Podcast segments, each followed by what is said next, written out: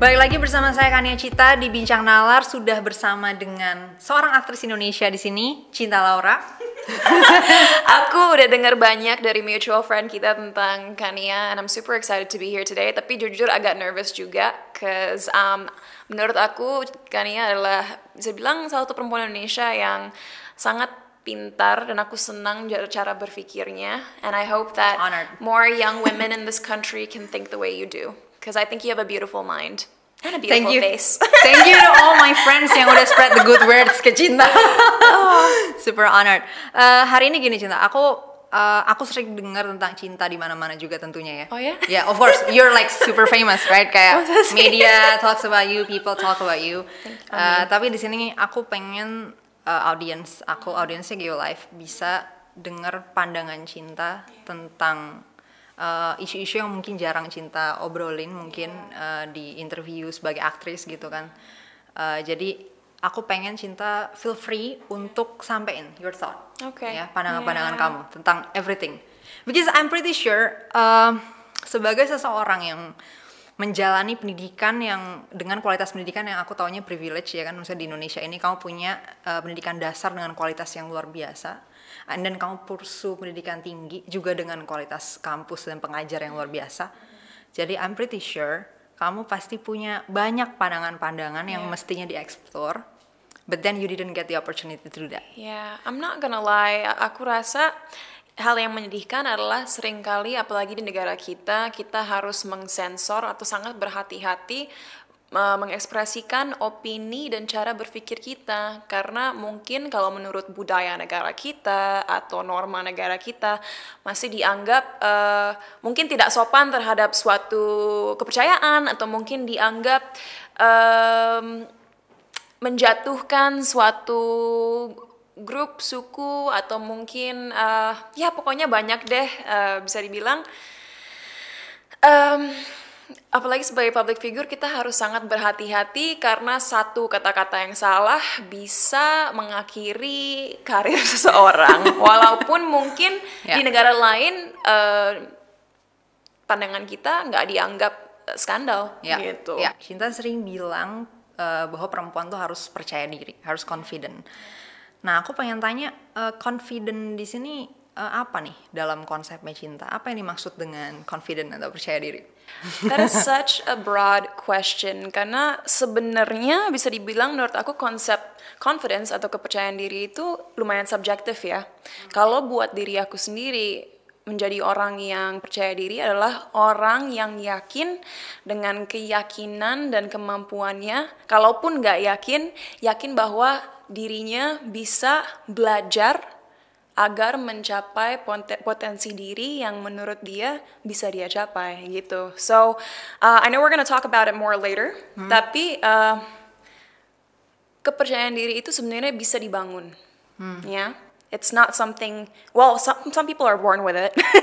Uh, tapi sebenarnya walaupun kita nggak terlahir dengan kepercayaan diri, aku percaya hal tersebut bisa dibangun dengan support system yang baik dan benar. Apa itu? You can ask me later. Itu sama kayak It is more or less sama kayak growth mindset gak sih? Iya. Maksudnya bahwa orang eh, mesti punya em, keterbukaan pada kema- pada pada pencapaian potensi dia gitu ya bahwa dia nggak akan stuck di situ selamanya Mm-hmm. gitu. Kalau misalnya dia sebelumnya nggak bisa A, bukan berarti selamanya dia nggak bisa A gitu Yes. ya. But then uh, sometimes menurut cinta uh, perempuan nggak punya itu gitu. Iya.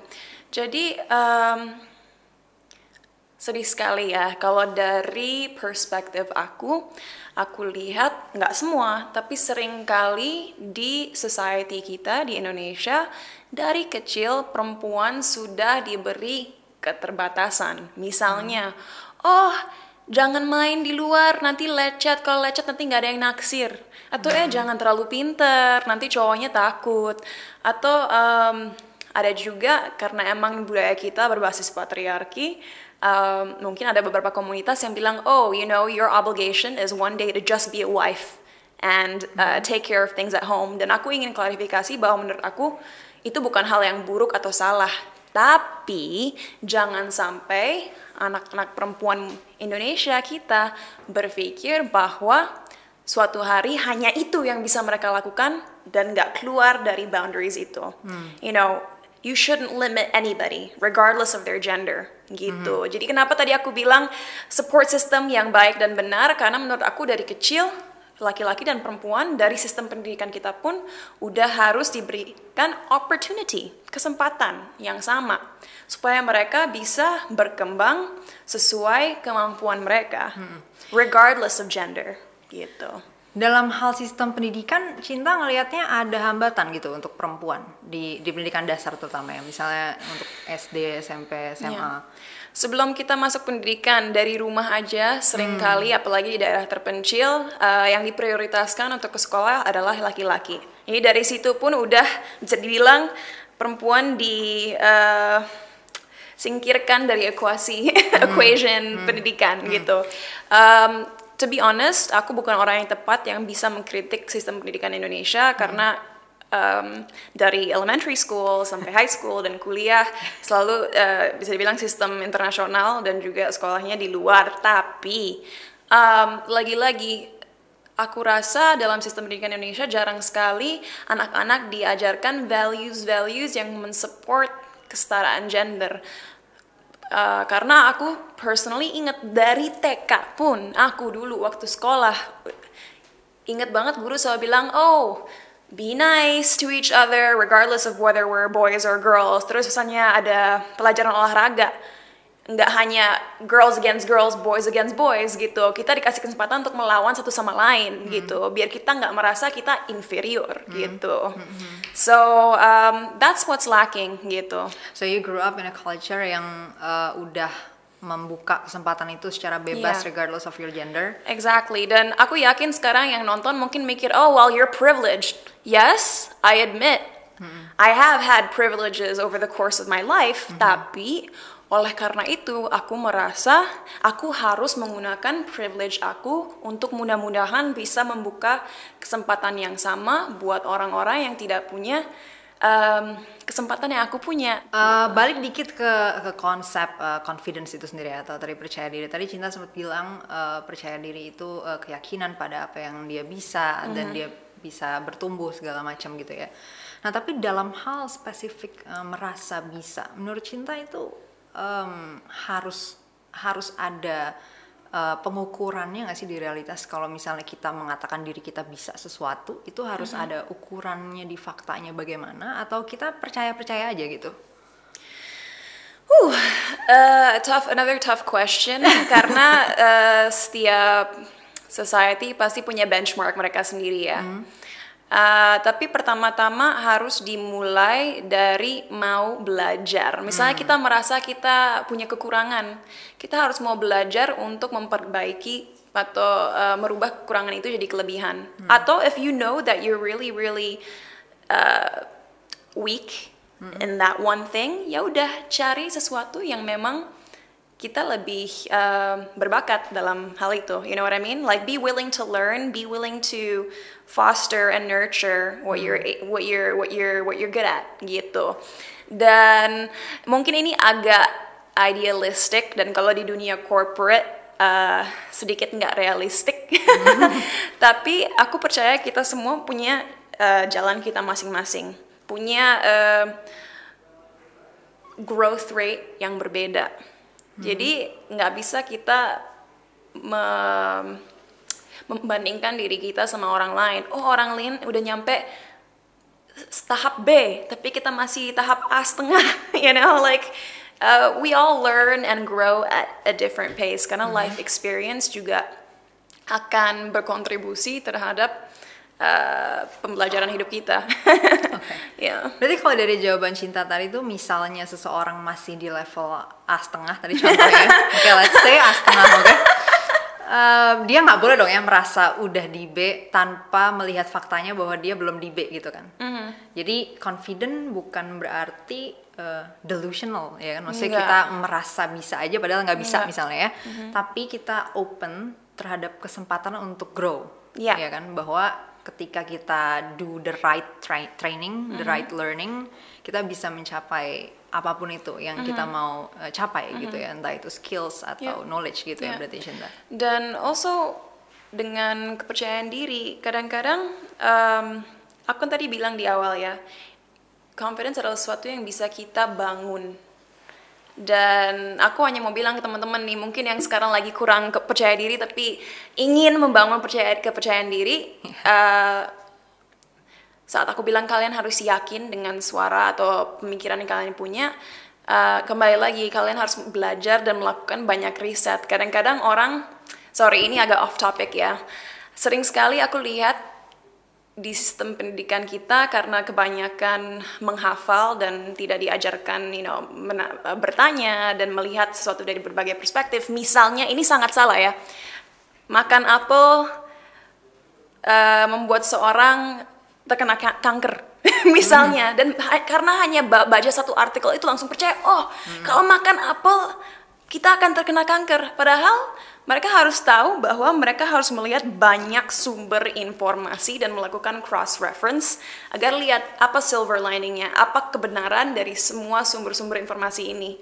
Dan dari situ cari you know mudah-mudahan yang bisa bilang fakta find the truth.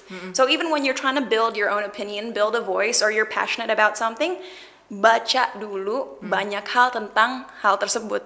Uh, dan lihat dari berbagai sumber karena banyak sekali bias kan you don't want to believe in biased information. You want to hopefully know the truth behind mm-hmm. everything. Did jadi mm-hmm. also be careful when you're confident? Jangan langsung apa ya belajar sekali langsung mikir oh I am the best at this I know everything iya don't have an inflated ego gitu Iya. Eh, dari yang cinta omongin di sini sebenarnya rada cukup nyambung dengan mungkin kultur eh, Indonesia ya masyarakat Indonesia pada umumnya yang emang dibiasain untuk percaya aja pada sesuatu tanpa mereka disuruh mencari sendiri misalnya gitu nggak sih maksudnya Iya. mungkin ditanamkan oleh orang tua mereka atau keluarga Iya. mereka cinta ngeliat masalah itu juga nggak? Um, iya. aku aku melihat bahwa orang gampang percaya dengan apa yang mereka dengar atau apa yang mereka baca dengan hanya sekali mendengar atau membaca tentang suatu hal and that's dangerous, you know. Iya iya iya. um, it can impact your behavior, it can create conflict. Jadi um, itu suatu hal yang benar-benar harus dikembangkan dalam sistem pendidikan kita. sederhananya sebenarnya bagaimana orang bisa berpikir ilmiah lah ya, bagaimana orang bisa berusaha untuk mencari pembuktian terhadap sesuatu sebelum eh, mengiyakan itu sebagai fakta gitu ya Iya, cinta. iya. Dan ini mungkin nyambung juga dengan isu yang tadi di awal banget cinta angkat sebenarnya, which is the gender inequality ya kan maksudnya di mana mungkin ada treatment yang berbeda terhadap perempuan dan laki-laki. Me myself, uh, I wasn't I wasn't raised in a culture yang membedakan itu. Jadi Uh, karena aku dibesarin sama mamah doang dan mamaku culture-nya sangat rasional. Jadi dia nggak menggunakan uh, tradisi-tradisi yang aneh-aneh. Jadi ya basically semua mengikuti fakta yang ada aja bagaimana. yeah, yeah. nah Look uh, at you, you're awesome. oke kamu uh, melihat nggak sih bahwa masalah kebiasaan tidak berpikir ilmiah tadi yang di mana orang percaya pada sesuatu tanpa melihat faktanya gimana dan lain sebagainya itu juga nyambung dengan uh, tradisi-tradisi gender inequality yang memberikan uh, stereotype kan. Misalnya kayak oh perempuan pasti gini atau laki-laki pasti gini yang belum tentu faktanya gitu. Ya sih. I think to an extent yes, tapi ada berba- uh, ada beberapa negara pun yang mungkin mereka sudah kuat dalam cara berpikir mereka, you know, scientific thinking, tapi tetap ada gender inequality. I mean, I think anywhere you go, we have this problem. Tapi ya aku merasa di negara-negara yang di mana cara berpikir ini masih kurang, memang uh, kes- um, ketidaksetaraan lebih lebih lebih prevalent gitu. Iya iya karena mungkin eh, jadinya orang eh, lebih lebih mengikuti tradisi-tradisi yang ada tanpa mengkritisi lagi gitu ya tradisi Iya. itu. Dan you know, aku sama kalau di negara Indonesia bisa bilang kan kita negara yang lumayan religius. Dan aku bukan bilang itu hal yang salah. I think uh, religion is beautiful dan memberikan kita moral compass bagaimana hidup dengan damai dan uh, hidup di jalan yang benar so to speak. Tapi menurut aku ini ini aku being an idealist ya. You know I believe in God. You know I'm I'm I think I'm a person of faith. Tapi at the same time aku ngerasa kalau kita mau melihat ini dari sudut yang religius pun ada alasan kenapa Tuhan ngasih science kepada kita dalam dunia ini. Supaya um, satu hidup kita tidak membosankan. Kedua kita selalu bertanya kenapa sih uh, di laut ada ombak ini udara terbuat dari apa sih like science is beautiful and it has been given to us by the higher power by god by the universe so that human beings have purpose that's how i see it you know i think religion and science can go hand in hand gitu Kalau misalnya dalam suatu kepercayaan itu orang percaya pada gender inequality, berarti gimana cinta? Karena kepercayaan can be anything, right? Yeah. I mean, people can have any kinds of teaching. Yeah. gitu. That's tough. Sebenarnya aku ditanya pertanyaan ini oleh seseorang beberapa minggu yang lalu, di mana aku nggak mau sebut uh, tempatnya spesifik di mana, tapi ada sebuah uh, lokasi di Indonesia di mana perempuan uh, diculik oleh uh, orang yang akan mereka nikahi, so their future husband, dan gitu tanpa ditanya, tanpa consent, mereka diculik terus dipaksa untuk menikahi orang yang menculik mereka. And to me, that's hum- a human rights issue ya. tapi ada yang bilang, tapi kan itu budaya mereka. Iya. And that's that's a tricky situation karena dalam uh, dunia kita sekarang yang juga sangat politically correct, kita kan selalu diajarkan harus menghargai budaya orang lain, harus menghada, uh, menghargai adat orang lain. But I think again, that's where the scientific reasoning and thinking comes in. Kita harus bisa membuat distinction antara budaya dan human rights. Kalau budaya benar-benar membuat um, suatu gender, in this case perempuan, dijatuhkan atau uh, dilecehkan, well, I think we can't let it go on, gitu. Kamu pernah mencari ini nggak? Kayak semacam uh, root atau akarnya tuh dari mana sih? Kalau misalnya semua culture di dunia ini, ya, secara umum gitu kan, secara umum itu menempatkan uh, adanya suatu gender role dengan perempuan seperti ini, laki-laki seperti ini, itu kira-kira datangnya dari mana ya? Iya, kalau kita lihat sejarah, I feel like ada beberapa tradisi dan adat yang setelah itu menjadi norma dan akhirnya menjadi bisa dibilang peraturan dalam masyarakat tersebut, right? But at the same time, apalagi sekarang dengan teknologi kita harus sadar bahwa zaman udah berubah, circumstances have changed. Dan aku dulu pernah baca buku uh, lupa uh, titlenya, tapi penulisnya adalah David Hume, dan dia bilang, as time goes by, circumstances change. And certain rules and regulations cannot always be applied because, um, well, the variables have changed. Ngerti kan? Jadi misalnya uh, di beberapa, Begini, Cita di sini sebenarnya ngasih contoh yang bagus banget. ya, But unfortunately kita nggak bisa sampein ini on record. ya. Jadi aku mungkin kasih sedikit contoh yang atau cinta bisa Yeah. keluar dengan contoh yang No, lebih. can you give a better? uh, aku aku terakhir tadi ngomong tentang David Humes. Yeah. Jadi um, as time goes by, circumstances change, and certain rules and regulations can no longer be applied because well times have changed gitu. Dan mungkin kan ya bisa kasih example yang lebih uh, Yeah. yang yang mudah dimengerti. Iya, dan dan nggak perlu disensor. Iya. Dulu mungkin sampai sekarang ya itu ada tradisi di mana anak-anak tuh kalau udah habis maghrib nggak boleh keluar rumah, gitu. Semua disuruh pulang deh, pokoknya jangan main gitu. Kalau Iya. habis maghrib atau udah gelap gitu ya. Nah sebenarnya norma seperti ini ya mungkin pada zaman di mana kita belum punya listrik, lampu ya dan lain sebagainya itu sangat penting untuk keselamatan anak-anak ini ya kan Iya. karena di zaman dulu ketika udah mulai gelap ya udah nggak ada cahaya sama sekali Iya, nih Dan mungkin ada binatang buas Iya, yang sangat mungkin kan. Iya. Ada serigala atau apa, kemudian ya anak-anak bisa pada mati kalau nggak dikasih larangan seperti ini. Yes. Nah, maka pada suatu zaman itu menjadi relevan. Nah, kalau yang dari Cinta bilang circumstances have changed itu, ya kita bisa lihat sekarang udah ada lampu, udah Iya. sangat terang benderang nih di mana-mana. Jadi mungkin nggak di banyak tempat kita udah nggak perlu lagi membatasi anak-anak. Oh malam ya boleh aja keluar gitu kan. Iya. Mungkin udah dengan keamanan yang jelas gitu ya tentunya boleh aja gitu kan. Iya. Itu contohnya kali ya. Cinta. Exactly, exactly. So I think the same has happened throughout our history. Tapi kalau kita lihat evo- evolutionary process manusia, you know, we were hunter gatherers. Di mana karena perempuan yang hamil, yang mengandung, ya otomatis dia harus bersembunyi atau menjaga diri supaya akhirnya bisa melahirkan anak tersebut dan laki-laki yang harus cari makan by hunting, you know. So that has also continued on throughout the human timeline. Tapi sekarang itu udah nggak relevan lagi karena sekarang misalnya kita punya anak, kita bisa meng-hire babysitter misalnya. Kita bisa melakukan part-time job.